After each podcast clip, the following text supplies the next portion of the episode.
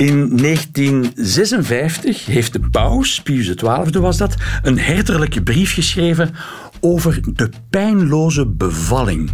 Vrouwen kozen steeds meer voor anesthesie tijdens de bevalling. De allereerste die dat ooit heeft gedaan was trouwens koningin Victoria in 1848.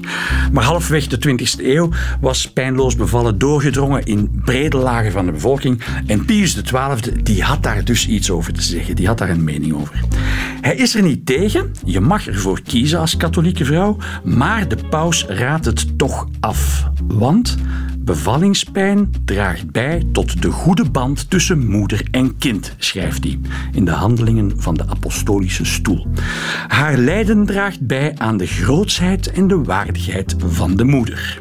De pijn vergroot de karaktersterkte van de vrouw die noodzakelijk is bij het opvoeden van het kind. Lijden en pijn kunnen een bron zijn van het goede, zegt de paus, zoals talloze heilige mannen en vrouwen ons hebben voorgeleefd, evenals Christus zelf kruis. Dat was de mening van de paus in 1956. En hij schrijft er nog bij, en dat is belangrijk.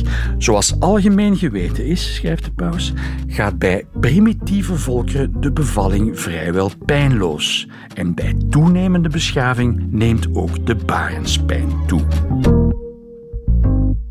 Dit is Het Geheugen van de Mug. Een podcast van Radio 1 over historische gebeurtenissen die de geschiedenisboeken niet hebben gehaald, maar die te mooi zijn om niet te vertellen.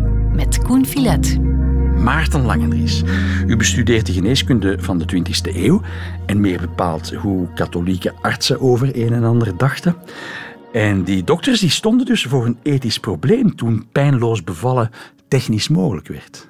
Inderdaad, in de jaren 50 kwam de epidurale verdoving meer en meer op. Dus die, die pijnonderdrukking werd meer en meer um, gemedicaliseerd. Maar wat dus eigenlijk interessant is, is dat eigenlijk het antwoord van de paus, of hoe die theologen ermee omgaan, ook gemedicaliseerd is. Lange tijd werd er verwezen naar wat er in Genesis staat, namelijk de vrouw moet pijn lijden bij de bevalling straf voor de zondeval was dat dan, ja, ik herinneren. Ja, inderdaad. Maar dus een heel theologisch argument, mhm, mhm. gebaseerd op de Bijbel. Mhm. In de 19e eeuw is die positieve wetenschappen, de biologie, dat is ontploft. En de katholieke kerk moet daar natuurlijk een antwoord op formuleren. En het antwoord, het, staat zo in de Bijbel, wordt niet meer aanvaard. Ja, dat werkt inderdaad niet meer. Wat wordt een beetje de redenering aan het einde van die 19e en het begin van de 20e eeuw? De natuur is een weerspiegeling van, van God. Dus als het natuurlijk is, is het goed. En eigenlijk alles waar men niet te veel als mens in interveneert, is goed. En voor artsen of in het medisch veld wordt dat dan, is niet alleen natuurlijk, maar is ook gezond. Zelfs als het over pijn gaat. Dus die zelfs als het... ja, die pijn is natuurlijk, dus die moet per definitie goed zijn, want die, komt, die, die past in het goddelijke plan met de mensheid. Ja, inderdaad. Nu moet er wel meteen bij zeggen, voor vrouwen die nu al denken dat gedurende eeuwen vrouwen niet verdoofd werden bij de bevalling. Eigenlijk um, in de praktijk, geen enkele arts, hoe katholiek hij ook is, gaat het in zijn hoofd halen van een vrouw niet te verdoven tijdens de bevalling. Allereerst de vraag, ja, waar komt die pijn eigenlijk vandaan? Is dat wel biologisch of is dat eigenlijk iets dat wij als mens aangeleerd hebben gekregen, zo Pavlov-gewijs? pijn aangeleerd? Ja, dus dat die, die pijn bij de bevalling een soort van aangeleerde psychologische reflex is die dus aangeleerd is en die we dus ook weer kunnen afleren. Oké. En die dus in de voorbereiding naar de bevalling kan afgeleerd worden. Is dat dat zinnetje dat ik er op het einde aan toevoegde, dat de paus zelf zegt van bij primitieve volkeren gaat de bevalling vrijwel pijnloos, bij toenemende beschaving neemt de barenspijn toe. Heeft dat iets met dat aanleren, met dat culturele aspect? Ja, dat heeft er zeker mee te maken met eigenlijk het, het algemene idee van die pijn, dat is niet des mensen of des alle mensen. Daar zit inderdaad, die pijn heeft te maken met cultuur, met aanlering, met beschaving tussen aanhalingstekens. En daar zie je eigenlijk, en dat is dan dat koloniale luik, daar zaten nogal wel wat paradoxen in. Want men was het daar eigenlijk helemaal niet over eens. Hebben zwarte vrouwen nu meer of minder pijn? Um, hoe komt dat nu? Je had artsen die dan uh, zeiden van ja, inderdaad in een natuurlijke, zogezegd, omgeving daar hebben ze heel weinig pijn, heel weinig last. Maar als ze dan naar de stad verhuizen en de westerse beschaving zogezegd leren kennen, dan door bijvoorbeeld een meer zittende levensstijl bijvoorbeeld, of gewoon ja, de zenuwachtigheid en de stress van het moderne leven, ehm, dat er daardoor eigenlijk die bevallingspijn uh, opkomt. En dat dat dus ja, bij, de, bij de witte vrouwen in het Westen zijn toppen bereikt heeft. Ja. En dat koloniale aspect, hoe er werd omgegaan met zwangerschap en bevalling in het koloniale Congo, in de Belgische kolonie, door Belgische artsen ook die daar naartoe gingen, dat is een van de onderwerpen van uw, van uw studie. Ja, inderdaad. Door de sterke aanwezigheid van Belgische missionarissen in Belgisch Congo is zeker in die katholieke wereld Congo als missiegebied toch wel sterk aanwezig. En veel van die artsen en artsenverenigingen die wij bestuderen, die zijn ook wel echt met dat koloniale bezig, hebben een koloniale werking. En langs de andere kant nemen wij Congo ook mee, omdat Congo in die 20e eeuw ook heel verschillende uh, evoluties kent natuurlijk dan, dan België, binnen die katholieke wereld dan, die het eigenlijk interessant maken om België en Belgisch Congo ook een beetje te vergelijken. Wat is de uitwisseling tussen België en Belgisch Congo? Omdat dat toch een beetje één leefwereld voor die, voor die mensen is. Dus welke ideeën, praktijken ontstaan er in België en reizen naar Congo? Of omgekeerd, hoe beïnvloedt um, Congo eigenlijk ons België-landje? Als we weten dat het idee toen was, die... Uh, ik ga de terminologie gebruiken zoals ze toen werd gebruikt. Die primitieve volkeren die bevallen pijnloos of moeiteloos.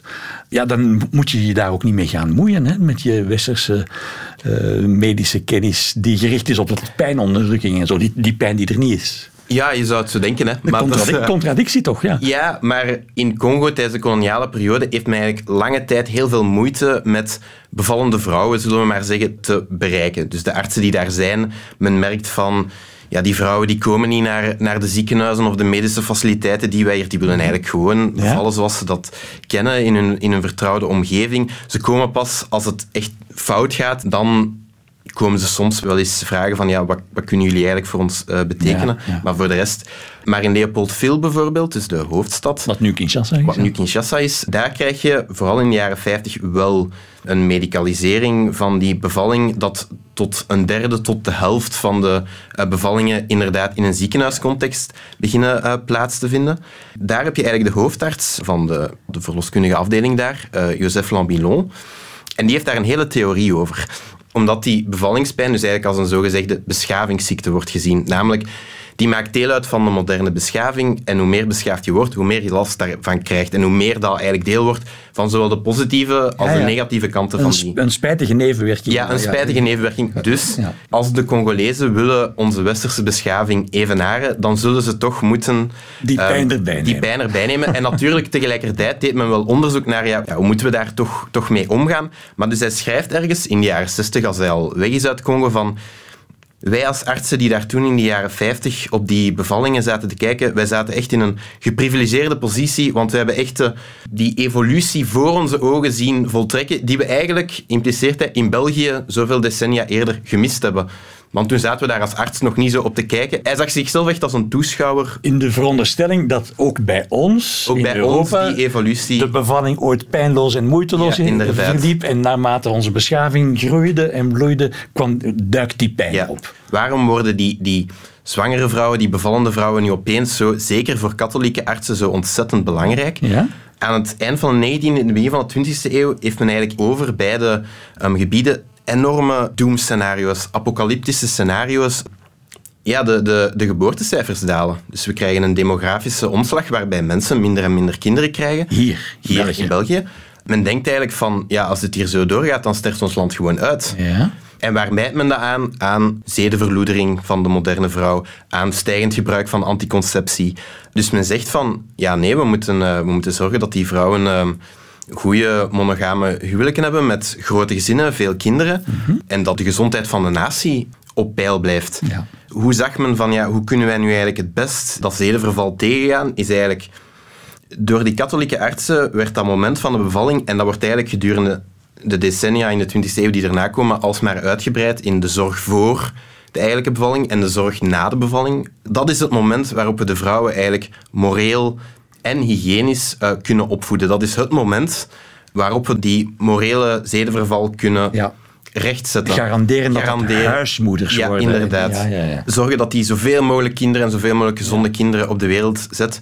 Nu, in Congo? In Congo. Daar had men het niet over zedenverval. Daar vond men gewoon van, ja, men heeft daar überhaupt, toen men daar arriveerde, dat is hier gewoon een, een de zede, ja, ja. zedeloze um, wereld. En bovendien, dat is dan het begin van de 20e eeuw, is er in Congo eigenlijk een epidemie van slaapziekte. Ah ja. Maar wat heeft dat met zwangerschappen te maken? We zitten in een koloniale context, dus de logica is economisch. Dus men krijgt daar schrik, zeker onder de administratie en zo, eh, maar ook wel onder de katholieken en missionarissen en zo, krijgt men dezelfde angst van Congo is hier aan het uitsterven.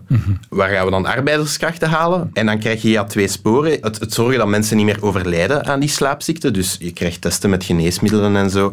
Maar een andere lijn die men volgt is niet alleen het verhinderen dat mensen overlijden aan slaapziekte, maar ook dat er meer kinderen komen.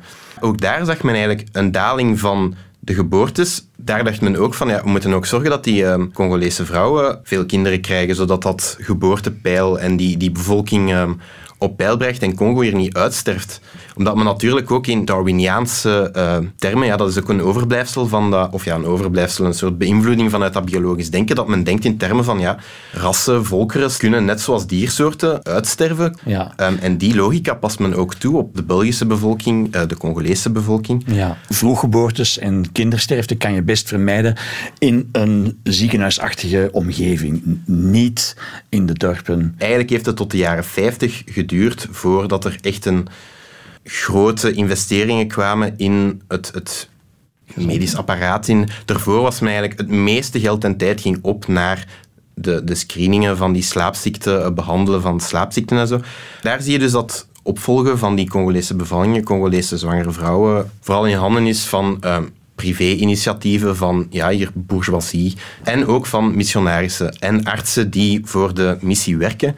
Waarom vonden die specifiek dat zo belangrijk? Dus bij de begeleiding van die zwangere vrouwen, dat is het moment om die vrouwen zowel nieuwe hygiënestandaarden bij te brengen als zeden, gewoonten te laten aanpassen aan onze westerse beschaving en in het goede... Te weten uit kerngezin ja, met een, een, vader die de kost ja, verdient en een moeder aan de haard. Dat is eigenlijk ja, het, het, het, grote overkoepelende verhaal van ja, dat huwelijk, dat katholiek monogaam ja. huwelijk met veel kinderen, is niet alleen gewenst door God of staat niet alleen in de Bijbel. Veel kinderen krijgen is gezond voor een vrouw.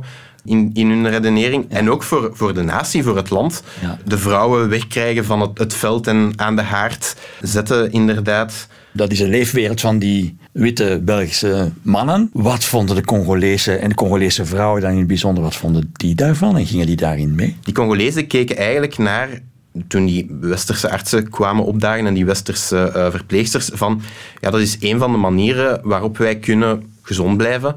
En die gingen daar eigenlijk heel pragmatisch mee om. Die zagen dat als ja, een extra optie die er ja. misschien bij kwam, naast wat ze eigenlijk al, al heel lang deden of wat ze zelf deden. Um, en dus ja, als dat niet hielp, dan ging men bij de, bij de witte arts vragen. Hè. Dus ja, na de bevalling, als dan moeders met hun kind op consultatie moesten komen bij uh, de zusters, wat men dan eigenlijk deed, was um, cadeautjes uitdelen. Dus men gaf dan zeep aan die, die Congolese vrouwen die kwamen opdagen. Mm -hmm. uh, men gaf dekens, men gaf kleren. En men zegt ook letterlijk van, je moet eigenlijk wel toegeven, als we die cadeaus niet zouden geven, zouden de Congolese vrouwen ook niet komen. Ja, dat overschatten wij misschien, hoeveel medische zorg dat de Belgen daar zo gezegd gebracht hebben. Voor een groot deel van die koloniale periode, opnieuw tot eigenlijk de laatste tien jaar van de kolonisatie, is er relatief weinig in geïnvesteerd. Was die medische zorg helemaal niet zo groot uitgebouwd, zo algemeen was die heel specifiek gericht op bepaalde gebieden, bepaalde ziektes, bepaalde groepen van mensen, bijvoorbeeld arbeiders die nuttig waren voor de economie. Maar je kan niet spreken van een soort groot, algemeen uitgebouwd medisch apparaat dat een algemene zorg verleende aan iedereen als een soort van... Ja, omdat gezondheid als een recht werd gezien. Dat was niet zo. Nee. Terug naar die herderlijke brief van Pius XII, die dus zegt, uh, de vrouw mag kiezen voor anesthesie tijdens de bevalling, maar hij raadt het af, want, zegt hij, pijn is goed, uit het lijden kan het goede geboren worden, zoals Christus aan het kruis ons heeft voorgeleefd. Die missionaris die lezen die herderlijke brief, heeft dat invloed? Het is niet zo'n heel groot debat binnen het katholiek veld in het algemeen. Veel artsen deden het eigenlijk toch al, dus je ziet enerzijds wel die scheiding daar tussen het Vaticaan en wat men in het Vaticaan uh, beredeneert en de medische praktijk ja, in België zelf. Mhm. Maar het toont wel heel mooi die wisselwerking tussen de medische wereld en de religieuze wereld, de theologie, uh, het Vaticaan, die wel luistert naar die artsen, wat er op dat moment in het medisch veld gebeurt, om daarmee dan eigenlijk oudere theologische principes op een andere manier in te vullen en te zeggen van ja, die pijn, die verdoving, dat heeft een, een biologisch nut voor die band tussen moeder en kind. Ja. En dus moeten we dat misschien toch niet zomaar um, aan kant schuiven. En daar zie je dus heel mooi die wisselwerking tussen medische wereld, medische argumenten en theologie, het religieuze veld. En daar zie je toch, en ja, dat is eigenlijk wat wij, wat wij in ons onderzoek proberen te tonen, dat ja, die scheidingslijn tussen geneeskunde en religie toch niet zo te trekken altijd valt als we misschien op het eerste zicht zouden denken. Dit was Het Geheugen van de Mug, een podcast van Radio 1 in samenwerking met de KU Leuven. Meer merkwaardige verhalen uit de cultuurgeschiedenis lees je in het boek Het Diner in de Dinosaurus. Al onze podcasts vind je via de app van Radio 1 of op radio1.be.